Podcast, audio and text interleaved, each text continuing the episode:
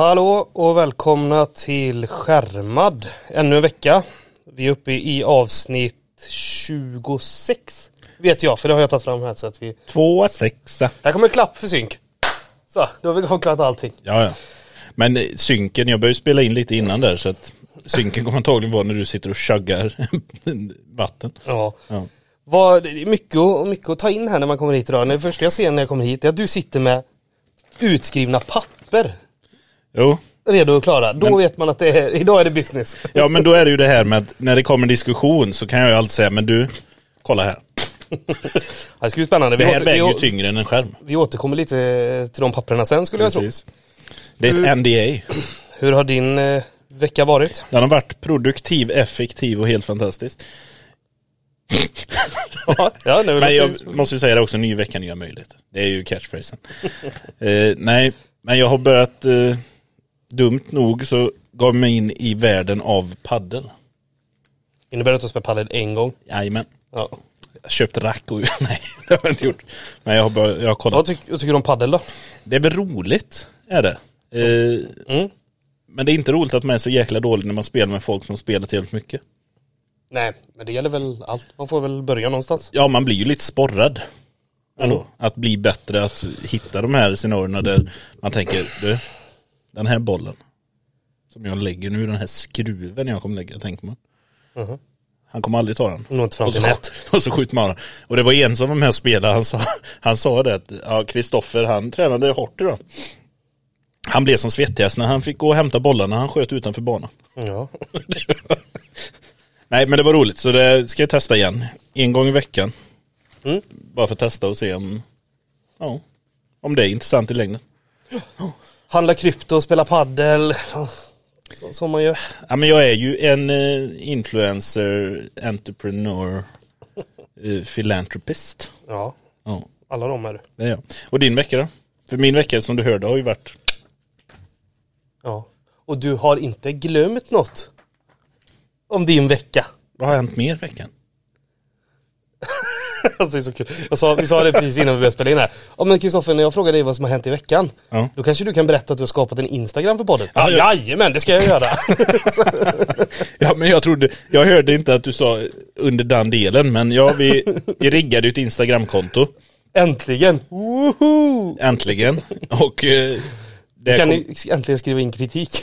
ja PMa heter, nej DMa heter det då. Ja, det kan. DM, PM, personal message, direct message. Direct message, men PM funkar ju internationellt, det är ju personligt meddelande. Precis. Nej men vi har skapat en sån, Ni hittar den på, eh, ja, det är bara att söka på Instagram på skärmad. ja, Så kommer de att hitta den. Eh, och där kommer väl förhoppningsvis komma ut, upp lite sådana här snippets. Lite godbitar. lite teasers. Ja, jag kommer ju sitta och leta igenom videoarkivet, som vi kallar det, och leta efter arga miner Peter gör när jag säger saker som han tycker är dumt. och så kommer jag lägga in sådana här inzoomade urklipp med motion tracking så det bara följer hans huvud. Och jag, jag, jag sitter, jag är jätte Jag är jättemedveten idag för jag kollade lite på vårt förra avsnitt. Ja. Och jag sitter ju, alltså när jag har datorn framför mig och jag sitter, alltså jag sitter ju så här när jag spelar in. Försöker kolla över mikrofonen. Alltså, så jag tänker så här, idag får jag sträcka på mig lite och liksom Jag behöver inte sitta framme vid mikrofonen, Nej, alltså, nej. den fångar upp det ändå. Den fångar upp det även om man har det här. Det blir ju så eh, ibland, för när jag försöker se datorn. Så jag tänkte jag skulle ha lite bättre hållning. Men försök vara lite relaxad och luta dig bakåt och bara Men jag har ju lins, jag ser ju inte skärmen i så fall. Jag måste ju sitta så nära för att se. Ja, ja. ja men eh, din vecka? Nej, inget. Ingenting. Nej. Jag har spelat paddel och skapat ett Instagram-konto. På en hel vecka. Ja, då var du duktig. Nej, det, men det är återigen ingenting som är intressant att ta upp. Är det intressanta saker så tar jag upp det. Mm. Men eh, nej, så vi, jag tycker vi rullar vidare. Det tycker jag du gör Ska vi, ska vi i alla fall nämna tänker jag att Elon Musks eh, köp av Twitter nu verkar gå igenom. Ja, prata om det. Vad, vad är dina Talk about it. Ja, men vad är dina tankar? Ja, du drack så jag ska... Mina, jag gjorde det ljudet bara för att de som bara lyssnar kan uppfatta att okej, han blev tyst för en drack. Nej, jag tror det kommer bli, det, kom, det är stor risk att det kommer bli jävligt rörigt. För att, som vi har sagt om Elon Musk, vem var det? Det var en, tänker jag inte outa någon här. Men det var en person som sa till mig, som hade lyssnat på på när vi pratade om Elon Musk. Mm. Men ni får ju tänka på att han har Aspergers. Aschberger. Ja, eller något sådär. Asperger. As Asch. Sa han Asch? Robert Aschberger. Sa han Aschberger eller sa du? Nej, jag du- vet inte. Jag har ingen koll på allt sånt. Men du, du är med på mina? Jag är med på det. Ja. Vad, vad, skulle, vad spelar det för roll då? Eller vad, är, Nej, för någon som vad var har... poängen? Jo, men så här. Att ta lite crazy beslut och ha så pass mycket pengar. Den, den kombon. Men frågan är om det är ett crazy beslut, kanske. Jag läste att, eh, det stod, stod idag när jag läste om det att eh, det kommer fortfarande vara någon som granskar alla hans Tesla-tweets. Så det kommer Ja, han inte undan även om han äger Är plattformen. inte det, är inte det någon dom på den något? Det kanske det är. Ja men jag tror det är någon, jag, jag, kan inte svära på det men jag har för mig att det är någon, att det är domstolsbeslut att det måste göras. Ja, att han reglerar marknaden. Jo men att han liksom, ja. Det intressanta var ju nu folk var, skrev så här bara, men nu kan ju, han kommer ju göra det öppet och liksom det var, var väl ja, två saker man läst på. Han kommer göra det, alltså han säger ju att han kommer göra det demokratiskt på riktigt, alltså öppet för alla. Det var ju väldigt tydlig med och då var det folk som bara, ja men äntligen Trump får komma tillbaka. Men det Trump vill ju inte. Sa, Nej, han sa att Twitter stannar- tråkigt." Ja, jag stannar på Truth Social. Ja, Så, och sen nummer två var ju det här med att han sa att han skulle aut, auktorisera, auktorisera. authenticata. Ja, autentika, autentisera Ja. Alla, alla människor. Ja. och då var ju Anonymous ute och sa att då lämnar vi. Precis som vi gjorde med Facebook om ni tvingar oss så. ja, att uh, koppla oss till verklig identitet. Så vi får se vad som händer där. Det senaste jag läste också var ju att han sa att en plattform som är liksom inte censurerad måste innehålla lika mycket som irriterar vänstern som irriterar högern. Ja. Det var också, jag läste någon dum jävel i Aftonbladet också som skrev att det här var liksom ett hot mot yttrandefriheten. Som det alltid blir. Det, allt sånt här blir alltid till slut i tidningarna ett hot mot yttrandefriheten. Eh, vilket jag tycker är konstigt. Det finns alltså bara för att det blir privatägt, han kan göra precis vad han vill med den plattformen. Han kan stänga ner den, han kan säga att du inte får vara på den. Ja. Men det är inte ett hot mot din yttrandefrihet. Du har inte, alltså det är inte en rättighet att sitta och, pra- och skriva på Twitter. Det Nej. är inte det. det. Det kommer aldrig vara det. Nej, nej, nej. Så det blir också löjligt tycker jag. Men Jo, men det är i båda lägen. Man får vänta och se hur det blir. Jag tror det kommer bli lite kaos kanske. ja, Eh, jo men det kommer Men sen har man ju märkt hur mycket jävla Elon-fanboys det finns och hur jäkla hård following det är. ja, Den har ja. inte jag tänkt på innan. ja, men det är väl Folk ser ju honom som Messias. Han är väl den nya Steve Jobs på det sättet kan jag tycka. Nej, värre. Jo, jo men det är För väl, han, jo, för men, Elon ska ju Hade- rädda mänskligheten. jo, men hade Steve Jobs levt idag så hade han nog varit i samma status. Ja, det är inte omöjligt. Det kanske inte hade funnits plats för någon Elon om Steve Jobs fortfarande hade levt. Ja. Nej, vi får se, men det är intressant. Ja, alltså ja, på ett sätt är det intressant men på ett annat sätt tycker jag att det är helt ointressant. Ja. Alltså, jag tror, jag tror att det kommer inte kommer hända speciellt mycket. Nej, nej, nej, verkligen inte. Det kommer rulla på ganska som det har varit. Ja, och det var väl någon som skrev det ihop med det här med yttrandefriheten som, och du nämnde med att autentisera alla människor. Mm. Eh, just en del av yttrandefriheten är ju att kunna vara anonym också. Är det? De skrev det. Och jag håller med. Ja, nej men Att du ska inte behöva doxa dig själv ihop med att du har en åsikt. Det är, Nej men återigen då. Om du inte vill att det ska synas vem du är, då kanske du inte ska vara på den här plattformen. Det finns ingen yttrandefrihetsrättighet att vara på Twitter. nej, nej, men om han säger att han ska öka yttrandefriheten. Om det, det är ju det han säger, det är ju hans mission. Så, Tycker inte du att man ska ha rätt att vara anonym då ihop med yttrandefriheten? Nej, det tycker inte jag måste gå ihop.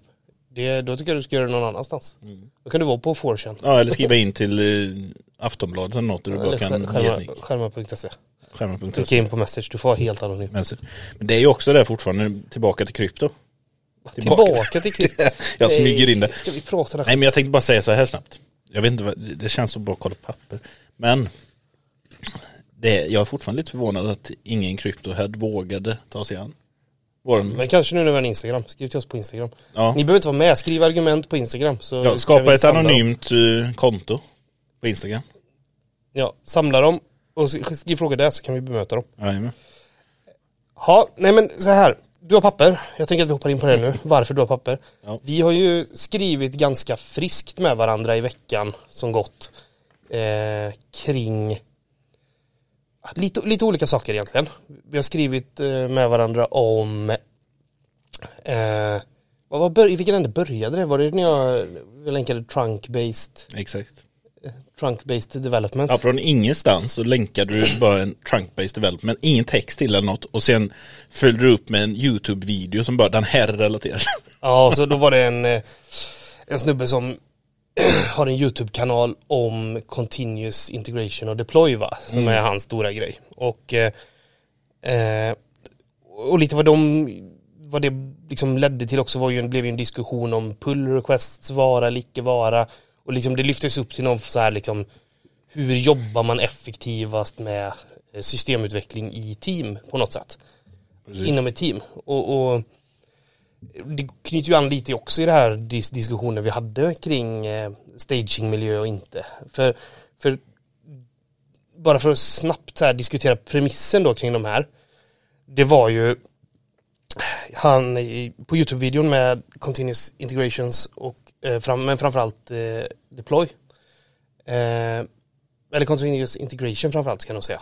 Eh, det var ju att man kan inte jobba med Continuous Integration om man jobbar med pull requests.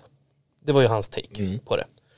Och eh, då har du kontrat med lite andra eh, artiklar och sådär om PR eh, review processen. Och Mm. så tänkte vi att vi idag skulle ägna, ja, ägna dagens avsnitt åt att snacka lite kring liksom pull request och, och vad det gör med hastigheten och vad, vad det finns för alternativ och sådär. Ja, det kommer ju toucha till och med på kanske lite effektivitet i ett, hur man jobbar i team, distribuerat eller inte. Mm. I vilken ände ska vi börja då? Jag, jag, jag kan ju säga så här, jag, min känsla när man läser mycket, Mm. Jag, tror, jag tror jag tror att man ska vara, tänka på att det är nog inte samma sak att läsa, alltså frekvensen av någonting som vi läser på internet antagligen speglar inte riktigt verkligheten utan Nej. jag tror att det är så här, jag tror fortfarande att här, att använda pull request tror jag är det absolut vanligaste. I, i liksom om du kollar på Mm. Ja, hur, hur utvecklingen fungerar idag. Men the hot buzz och snacket på nätet är alltså mycket mer att här, nu skippar vi det här. Nu lägger vi ner pull request, det är långsamt, det är föråldrat, det är gjort för eh, open source eh. Men är det hotbus? Jag tycker man läser mycket mer om det nu. Ja, men den, den är ju den, alltid den svåra frågan. Där. Läser man mer om det allmänt eller är det mer i den bubblan man rör sig? Men, alltså, Det är svårt, man ja, vet men anled- inte, anledningen till att jag fick det på min radar och började skicka saker till Ja. dig var ju för att det var på Hacker News och att det liksom Ja, okej, det dök ja. upp på ställen. Det var inte så att jag bara helt plötsligt började googla det. Det var ju för att jag, det började dyka upp mer och mer. Jag, jag hittade YouTube-videor där de hade skrivit, alltså som bara kom upp på första sidan som var nyproducerade liksom. Ja, Så att för mig har det i alla fall bara dykt upp det senaste ja men precis. två, senaste två veckorna kanske. Sen alltså det är klart att det inte är en jätte, jag tror inte det är en jättebass på men, men det, det är ändå så här när man läser kommentarerna och sådär så känns det ändå som att många så här, många online i alla fall överens om att så här, äh, men pull request är skit. Mm. Det, det slöar ner och, och är föråldrat. Ja, man kan ju förstå deras sy- synvinkel på det. Med hastigheten. Mm. Men vi kan väl, vi kan väl bara nämna det här som startade det här. Första posten i discorden mellan oss. Ja, trunk Som based. lik- precis, länken till trunk-based. Eh, och varför det är så mycket bättre än främst, mycket bör hugga in där, mycket av de här grejerna som vi har läst här nu eh, inför detta avsnittet, de nämner ju Gitflow som den onda motsvarigheten. Eller inte motsvarigheten utan motståndaren. Mm. Och så Trunkbase på andra sidan. Gitflow är ju, jag skulle kalla den en liten, en extrem åt andra hållet. Alltså mot PR-grejen. Mm. För där har du ju branches i flera nivåer om jag inte minns fel. Du har ju feature branches och så har du versionsbranches under det. Om jag inte minns helt fel nu. Men Gitflow och GitHub Flow är två olika grejer till exempel. Mm. GitHub Flow är nog det som de flesta är vana vid att jobba med. Bara för att ha ett kontext när vi Och det är väl main Main, develop och så har du feature branches. feature branches på develop och sen är det dags att releasa så mergar du till main. Mm. Men trunkbase då, det är ju att du har som det heter en main line. Och det här märker man ju här att det här är en gammal nisse som har skrivit den här. För han kallar den master or trunk.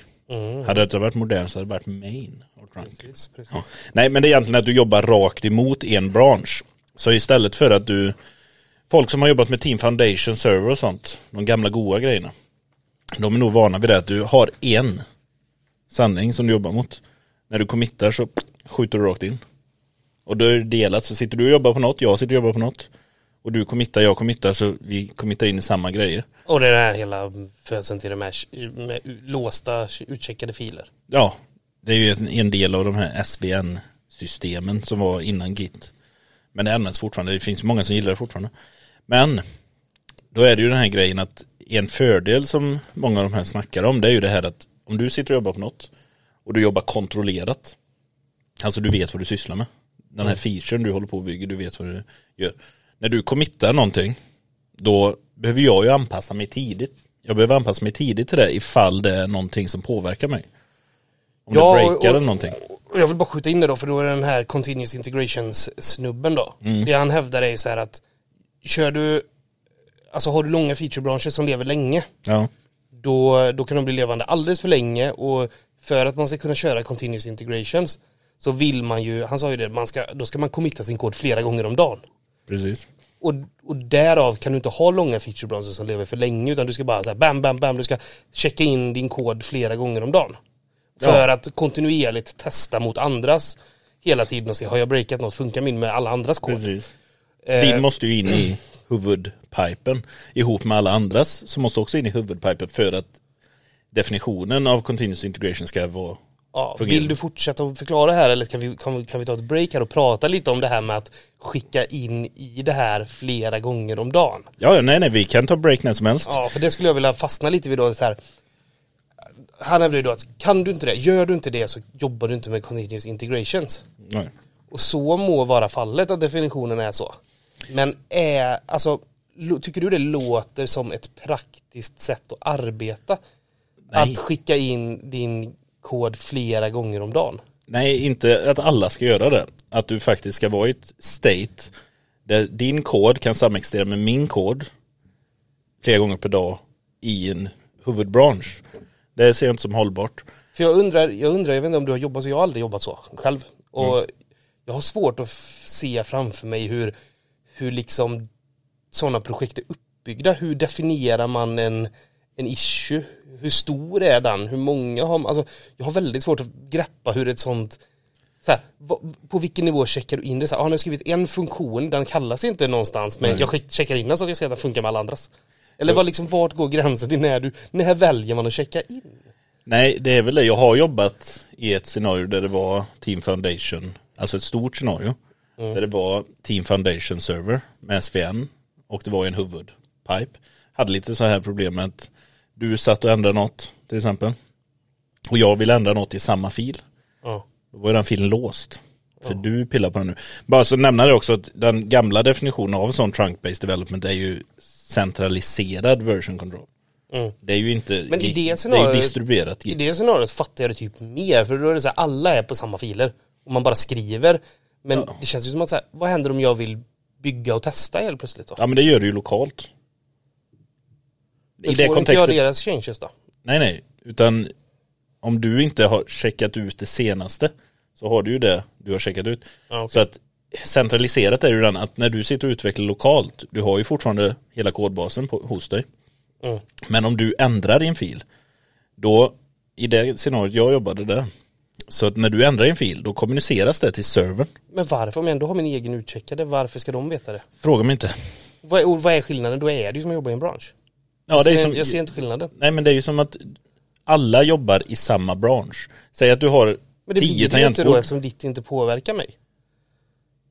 Om du sa, om jag inte jag checkar ut det, Nej, så kommer inte det påverka mig. Vad är skillnaden mot att ha en egen bransch då? Jag ser liksom inte skillnaden. nej men om du har en egen bransch då hade du ju kunnat ändra i user authenticator samtidigt som jag ändrar i user authenticator. Ja, men varför, vad är idén? Innan jag har committat mina ändringar i user. Precis, men även om du committar dem och jag inte hämtar dem. Den kommer nog hämta dem automatiskt om jag inte minns fel. Detta var många år sedan nu. Ja, det, men det, så måste det ju vara nästan, för då, då förstår jag det mer. Men då kan man ju helt plötsligt breaka någon annan. Så om jag checkar in en halvfärdig Det var det som var skrämmande nu när man tänkte tillbaka på det. Det var ju att det här, då var det inget byggsystem. Eller? Nej. Så att du hade inga automatiska tester. Nej. Så att när du committade så kanske du har breakat någonting logiskt i någon kod som körs här borta. Som Mm. använder din grej som inte i kontrakt, alltså funktionsmässigt, alltså funktionssignatur och sånt. Det har inte breakat. Men logiken har breakat. Mm. Så därav funkar inte applikationen längre. Mm. Och det märker du först när du deployar. Mm. Och det, det låter ju osmidigt kan jag tycka. Ja, och det är ju det, men samtidigt, det är ju det som är det med, när, du, när de pratar om trunk-based här, då är det ju i Git-världen. Så den typen jag beskriver, det är ju den, när jag hör trunk-based, då tänker jag på den gamla tiden. Då bli- blir jag lite rädd, får lite gåshud, du vet. Men, det är ju inte det som diskussionen är nu, det är ju mer över hur du hanterar branschningsstrategi, vad jag, vad min feeling är när jag läser detta. Mm. Att, eh, Ja för de tycker ju att man ska så här ha, man ska ha en De skriver ju, de, de säger det, whole team shared branch called trunk Mm. Och sen gör de en released eh, Alltså säger de, developers don't commit to release branches Nej, precis. Man each committer preferably a pair of programming duo in the trunk-based development way of working is streaming small commits straight into the trunk or master. Så det är inte riktigt samma. Det är scale trunk-based development är det då. Ja, Scaled är ju väldigt lik det man jobbar om du tänker GitHub Flow.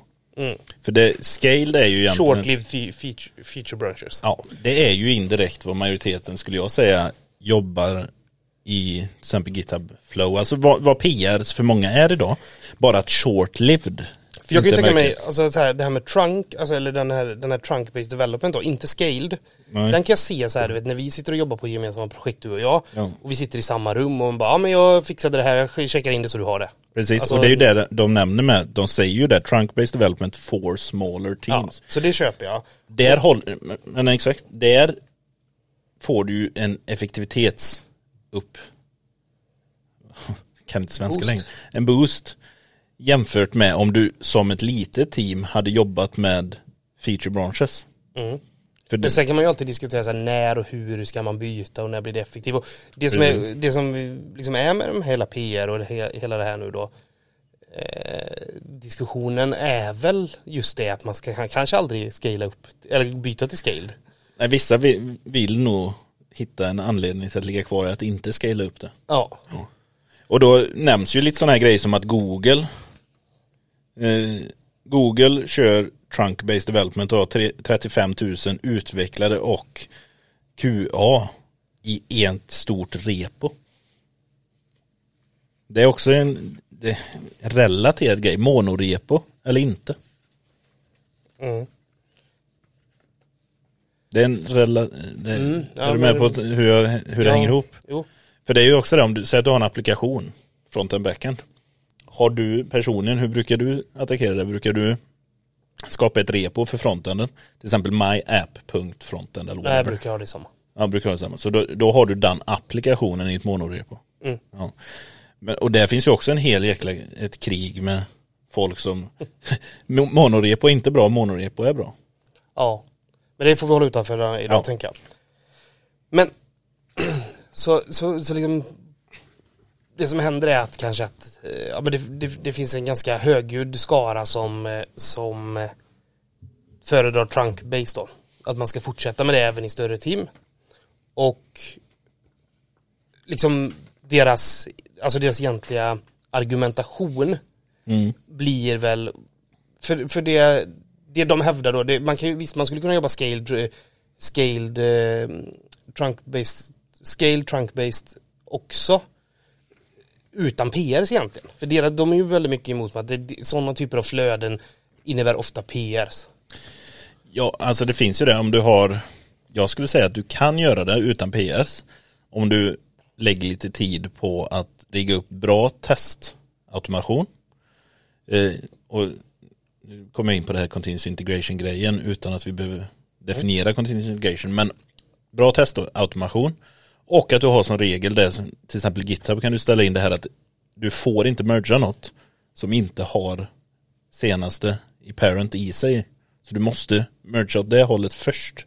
Mm. Så att du kan se att branschen inte är paj innan du mergar in den. Precis. Nej men alltså, och man kan ju göra det, men jag menar bara deras, det, det vi måste landa igen och vi måste komma fram till sak snart tänker jag. Och det är ju att de tycker att PR tar så jädra mycket tid. Onödig tid. Och en av de här då vi läste, det var ju en av artiklarna vi, vi, vi läste var ju att, han tog väl ett exempel på att han hade haft en, en eh, eh, alltså real life scenario liksom där han hade haft en issue som tog typ 20 timmar att lösa. Och sen gjorde han klart den på måndag eftermiddag. Eller förmiddag. Och sen skulle någon kolla på den PRen. Men den, den eh, andra utvecklaren var upptagen just då. Så PRen blev liggande till typ så onsdag. Och sen Ja. på onsdag så kollade han, eh, eller om det var på tisdag eller onsdag där, så kollade han liksom och då tog det så här fyra timmar fram och tillbaka av eh, ändringar kanske. Men, men han kunde inte, eller snarare att han kunde inte ta, den andra, den första utvecklaren, originalutvecklaren, kunde väl inte ta tag i den direkt för då hade han börjat med andra saker. Ja. Och så, Jo men vi har, alla, vi har alla varit i det scenariot där man har en PR. man springer om varandra lite Jo liksom. men man är klar. Man har en PR uppe. Man frågar sig, okej kan någon kolla på denna? Och det finns ingen tillgänglig att kolla på den. Nej. Och då blir ju den liggande. Så hans frustration var ju att han, koll, han trackade en PR i det han jobbade med. Och då kom man fram till att eh, 51% av tiden, alltså livslängden på PRen, arbetstid, inte bara dygnstid. 51% av tiden så låg de bara. Mm. Så att han pratar väldigt mycket om det här time to market eller vad fan ska säga. Alltså hur snabbt får du från att du börjar jobba till en feature till att användarna kan använda den. Mm, Att det tar väldigt mycket onödig tid. precis. I PR-världen då. Och vad tänker du om det då? För vi har ju jobbat båda väldigt mycket, alltså nästan uteslutande med PRs. Mm. I, Ja. i tidigare projekt. Ja precis. Jag skulle säga, jag känner ju igen det. Mm. Det gör man ju. Det Vi- vore konstigt om man inte känner igen det. Och till viss del kan jag hålla med. Att PR kan dra ut jäkligt mycket på tiden för beroende på hur stort teamet är och det är inte alltid lätt i dagens samhälle eh, att hitta sätt att få folk att parprogrammera. Ja för det är ju oftast en, en, ett alternativ. Man hör ju ofta tillsammans med det här så här, inga PRs börjar parprogrammera. Ja, det nämner ju den ena artikeln. Ja men det har man sett på flera ställen liksom, att en lösning till det är att parprogrammera istället. Precis.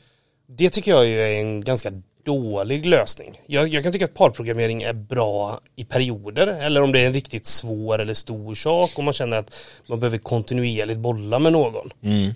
Men jag personligen skulle bli ganska trött på, tror jag, att sitta med någon dag ut och dag in. Ja. I, alltså, man har ju liksom dels så här saker som vi, att man orkar olika mycket, olika länge. Någon kanske kan fokusera i flera timmar medan någon annan behöver gå upp och röra på sig lite ibland och, och pausa. Och, ja, man har olika kanske till och med dygnsrytmer.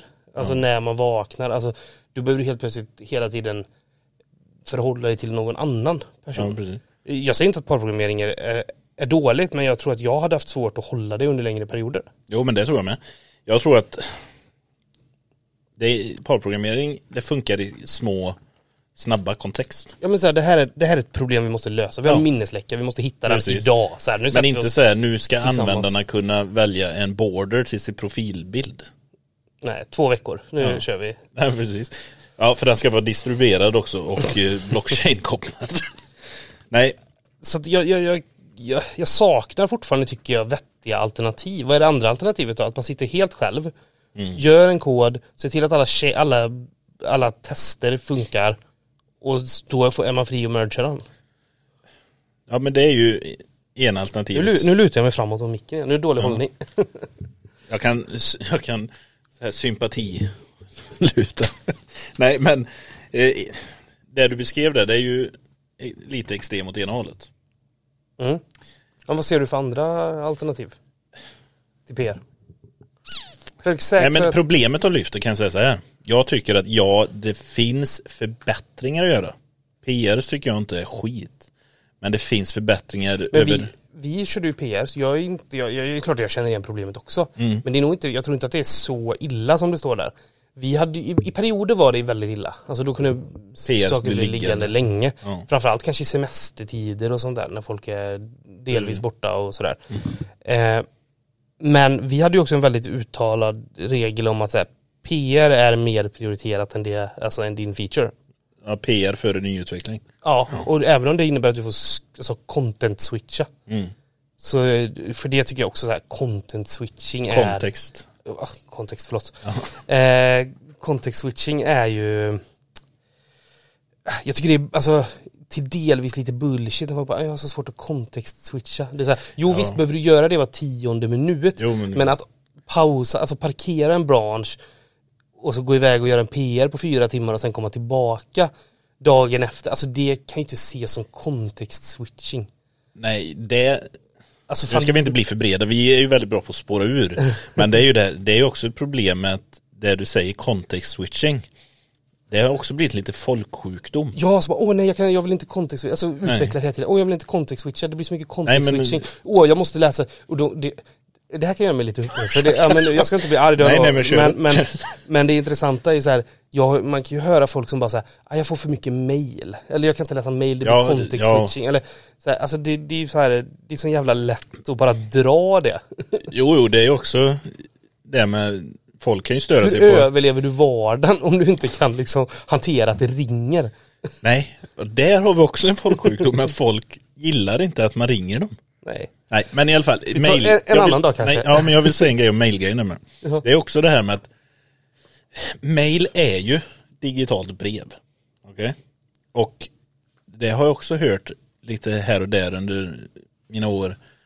Just det här med att han, han skickade ett mail till mig klockan 11 på kvällen. Vadå 11 på kvällen? Det är ju fan brev. Om du har notiser på så du får en pling. Om jag hade jobbat i Nya Zeeland ska jag skicka min natt då bara för att du ska få det under Ja. bra tider för dig. det, ja men alltså klageri är en lite folksjukdom. Ja, vad var vi Men innan nu ska vi inte spåra ur det. Nej, vad var vi Nej innan? men jag, vi pratar ju om det här att vad finns det för alternativ eller Mm. lösningar. Det var som ett annat av, avsnitt, jag kommer inte ihåg vad du pratade om, men du sa just det här att, jo, just det, det var en staging snacket. Mm. Att de problemen man beskriver, de går att lösa på andra sätt. Jo men det är det jag menar, att du- prioritera PR. Jo men exempel. ja, till exempel. Istället för att du ska attackera någonting, ett mönster som du använder. Som det här är dåligt. Utan försök se istället varför blir det så här. Det kanske inte är mönstret du använder som PR till exempel. Utan det kan mer vara teamet är inte så sammansvetsat. Till exempel för att PR-flödet ska bli bra. Ju tajtare team du har desto mer tydlig känsla teamet har i varför de gör detta. Mission statement och fuck it, alltså alla de delarna. Desto effektivare kommer det bli. Mm. Och det, Ja. för, för anledningen till att jag är lite för PR då, alltså bara för att ge... Jag är så här- 100% för PR kan jag säga. Ja, jag, jag är nog också det egentligen. För jag, jag tycker inte det finns något bättre. Alltså jag tycker inte PR är det bästa, eller en briljant lösning, men jag tycker kanske inte att det finns ett bättre. För, för det jag vill uppnå är ju en balans mellan hastighet ute i produktion och kvalitetssäkring. Exakt. Eh, Det är ju någonstans det man, de två man brottas med. Mm. Eh, och jag tycker att det kanske är den bästa balansen förutsatt att man som sagt sätter vettig, vettig, eh, vettiga regler kring när och hur en PR ska behandlas. Ja. Och det, det, en av de här artiklarna då som vi kommer länka här nere som heter The Snail Pace of Pull Request.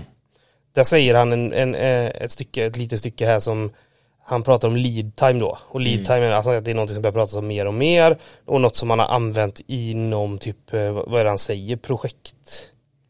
Eh, Han jobbar väl på Thoughtworks eller någonting. han jobbar, Han jobbade på. Brace jobbar han på. Brace och Previously Meetup. Ja. Men hans inspiration till att skriva co-founder dem eh, co- co-founder and Thoughtworks. Mm. Men, men jo, men jag vill säga bara är att då skriver han så här.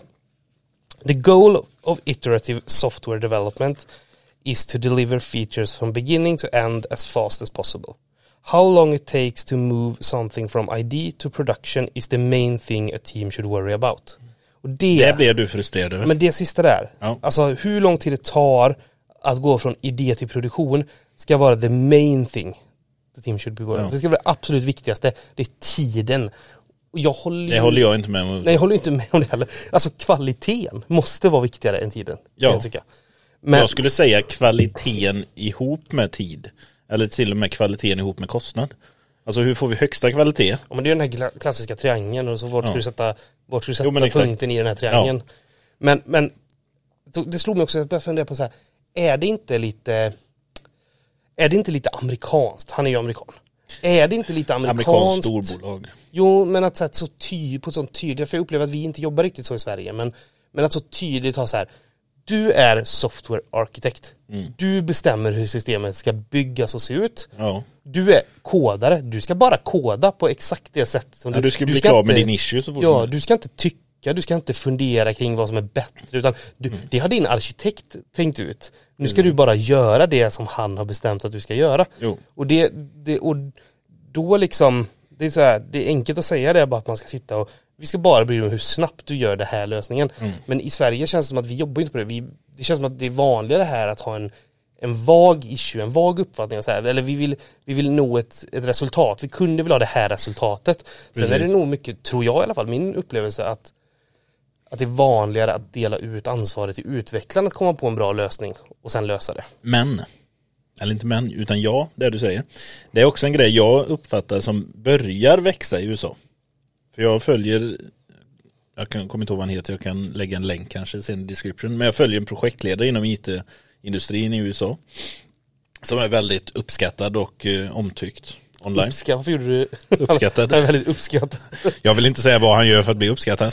Quotation marks. Ja. Han är uppskattad. Nej men han är väldigt, gör så här då. Han är väldigt omtyckt Mm. online. Och han hade faktiskt en grej som han skrev om som jag fastnade lite för. Det var just det här, hur ska du utforma dina issues? Och han sa just det här, det bästa, det är inte att skriva så här. Lägg till en knapp i användarregistreringsvyn och eh, när du klickar på den så ska du spara data från ett nytt fält med födelsedagsdatumet som användaren måste ha fyllt i.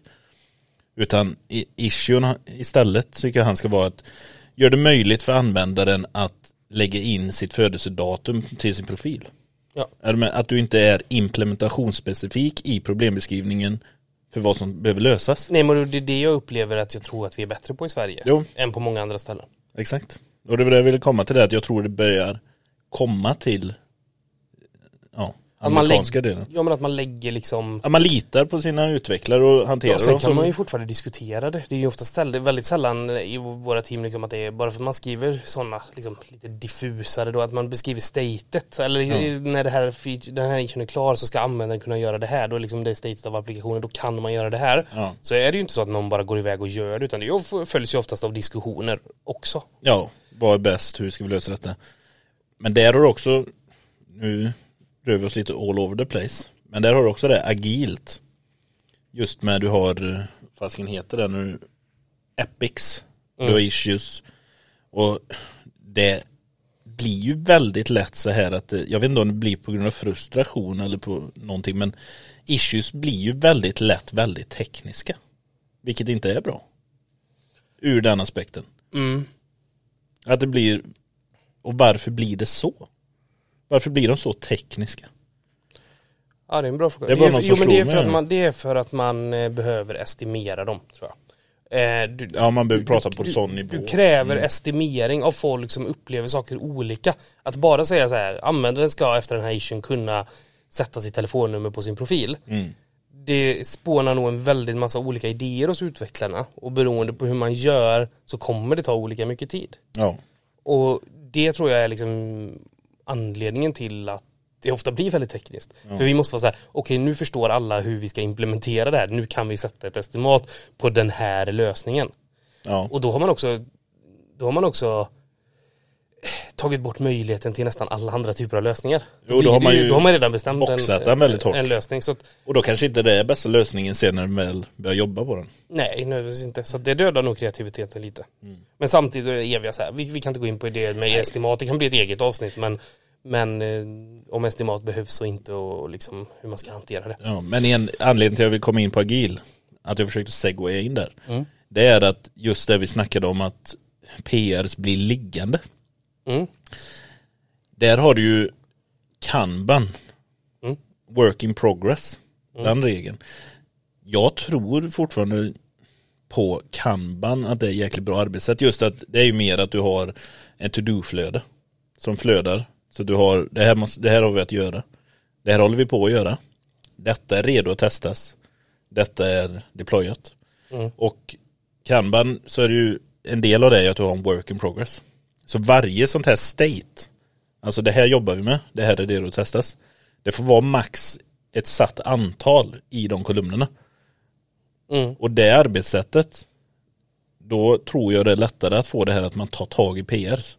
Jag skulle vilja vara ännu hårdare så och säga, jag tror att det funkar i agil också. Jag skulle säga att man, man, man tar en PR när man ser den. Alltså det måste, och det är ju någonting man måste ju lite, alltså så Ja. mycket måste man kunna sätta på sitt team och säga att nu gör vi så här.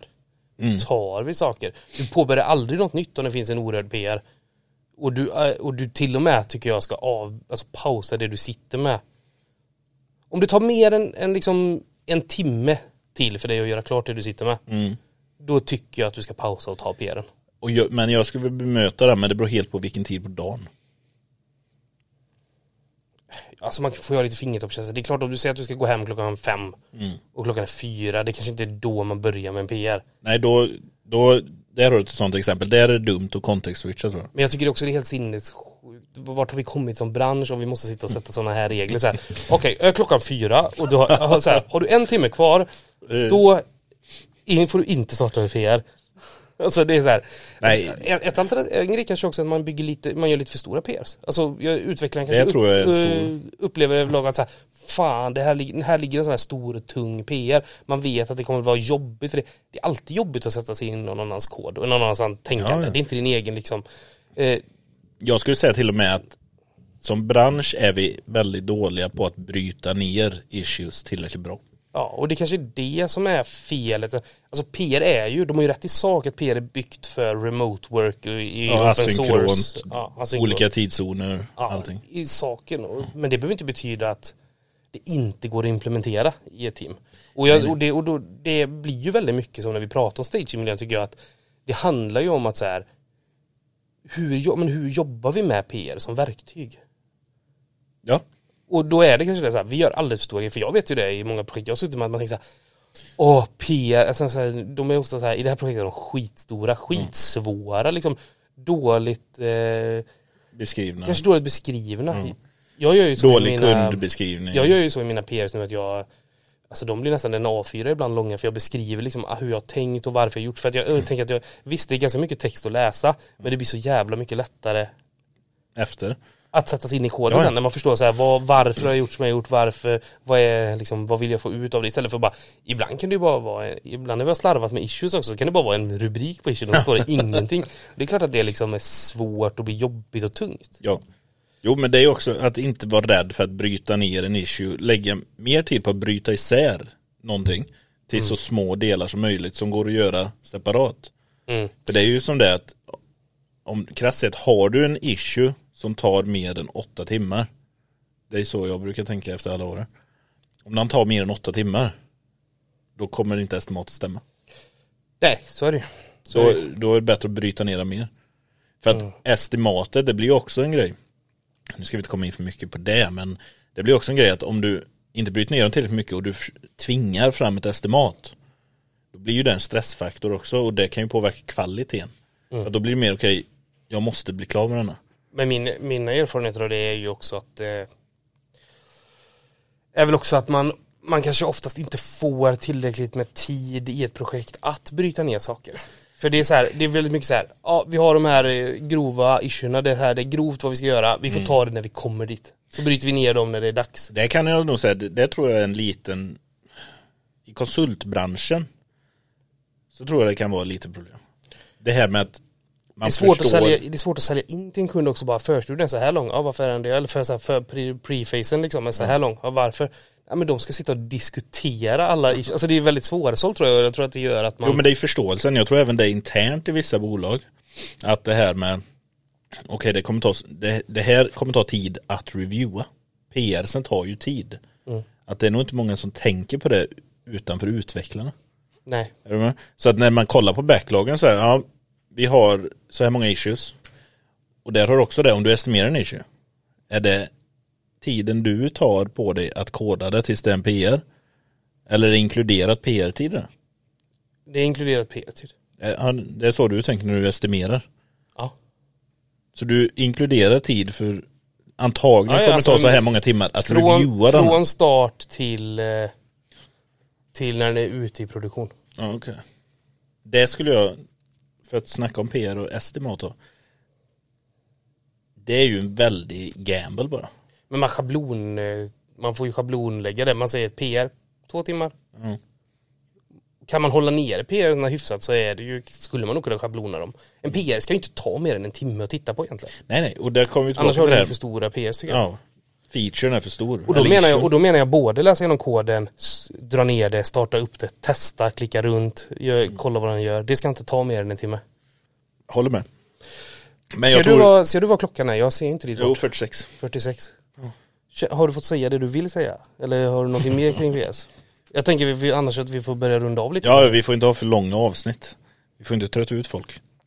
Nej, jag skulle säga att PR, jag tror precis som du tyckte med, när det gäller det här med staging environment eller inte. Att jag tror att lösningen ligger utanför om PR är dålig eller inte. Alltså det, alla de här argumenten så tror jag, de kan man lösa utan att ta bort PR. Ja, och sen är det svårt. Jag tycker inte att de presenterar, de som är emot PR så. Mm. Jag tycker inte att de presenterar tillräckligt bra alternativ. Framförallt inte när man så, så, så liksom så korkat och bara tycker så här att ja, det enda som betyder något är tiden. Nej, precis. Alltså då det är liksom, det, det är inte, det är inga rimliga motargument mot PRs. Nej, och jag tror som sagt att det är som, lite som du säger att den amerikanska arbetskulturen är ju annorlunda emot vad vi har i Sverige. Ja, Alltså hur de ser på grejer och hur de strukturerar sig i bolaget. jag tror faktiskt, Ansvar och så vidare. jag tror det. Nej men så att vi kan väl runda av med Vi tycker väl att PR är inget problem. Den Snarare gamla, tvärtom, fortfarande för tills något bättre har. ja, ja, Och jag har väldigt svårt att se vad som skulle vara bättre. nej men precis. I, i- just i balansen då. Vill du bara jobba snabbt, snabbt, snabbt, det är klart det finns bättre saker. Ja och det, det är ju som vi sa där innan att jobbar du i ett litet team där alla är införstådda i vad vi försöker uppnå då kanske det här som heter trunk-based development, alltså alla committar rakt in i en bransch funkar jättebra och sen tar du release från den branschen. Ja, och vi får ju tänka på när vi pratar om saker här så får vi ju ta något genomsnittligt bolag. Liksom. Vi, kanske inte, vi kan inte prata om de allra största jämt och vi kan inte prata om de allra minsta jämt. Nej. Utan det får ju bli något mellanting, det är så här mellanstort bolag liksom. Precis. Med ett team som har ett, så här, fem, sex utvecklare i sig kanske. Alltså, Per team. Ja, så sen kan man ju alltid diskutera extremerna såklart. Är man två stycken som jobbar på en produkt tillsammans med väldigt välsvarvade och liksom vet vad, Vad man vill uppnå. vet ja, tydligt vad målet är och hur man ska komma dit. Det är klart att det bara trycker in i en bransch går snabbt. Ja då är man ju synkade. Ja, Ja. Men jag skulle säga också det att häng inte upp er på massa sådana här detaljer utan häng, häng upp er istället på okej hur får vi våra team att jobba så bra som möjligt ihop. För att det är inte bara om pull request gör att vi jobbar dåligt eller inte utan det är hela det känns väldigt asymptotiskt för utvecklare just att man ah, eller liksom det, det, kännetecknar utvecklare väldigt mycket att man hela tiden försöker hitta en en generell, alltså en strategi som någon beskriver och bara ska implementera den rakt av och så hoppas blir allt att- bra. Ja, att allting ska lösa sig Ja. liksom. Jo, precis.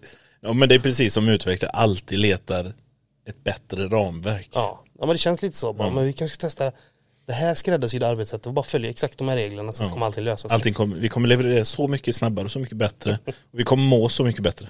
Men det Ja. känns som att vi, vi hade ju massa kringämnen till det här också liksom med, med context switching och saker som vi garanterat kommer att, att återkomma till längre fram. Ja, och det är ju det jag tycker också vi längre fram ska återbesöka work from home. Mm. Nu när det har gått lite efter pandemin och börjat släppa. Ja, vi kan ju bara, vi kan bara nämna lite saker som vi kommer prata om. Vi har ett avsnitt som jag gärna skulle vilja prata om framåt också. Ja. Det är ju det här med öppna arbetsytor. Alltså Ja, det vill jag jättegärna hur, prata om stru- hur också. strukturerar man ett kontor? Alltså hur skapar man ett kontor för utvecklare? Det hade varit eh, ett intressant samtalsämne. Ja. Har ni, ni som lyssnar, har ni ämnen som ni tycker hade varit intressant för oss att diskutera så får ni jättegärna skicka in det på vår nya Instagram också. Precis, det är bara PM. Vi tar jättegärna emot eh, PM requests är öppna. ja, intressanta DM. förslag. DMs request. Nej men precis, om ni vill höra våra åsikter på intressanta ämnen så är det bara att skicka. För vi är helt ärliga när vi tycker saker. Jajamän. Ja. Du, nu blir det här världens längsta utro. Vi bara lägger på och lägger på. Ska, Ja, vi, men det är ju- ska, vi, ska vi tacka för oss? Vi tackar för oss. Puss och kram nu så hörs vi nästa vecka. Ha det gött!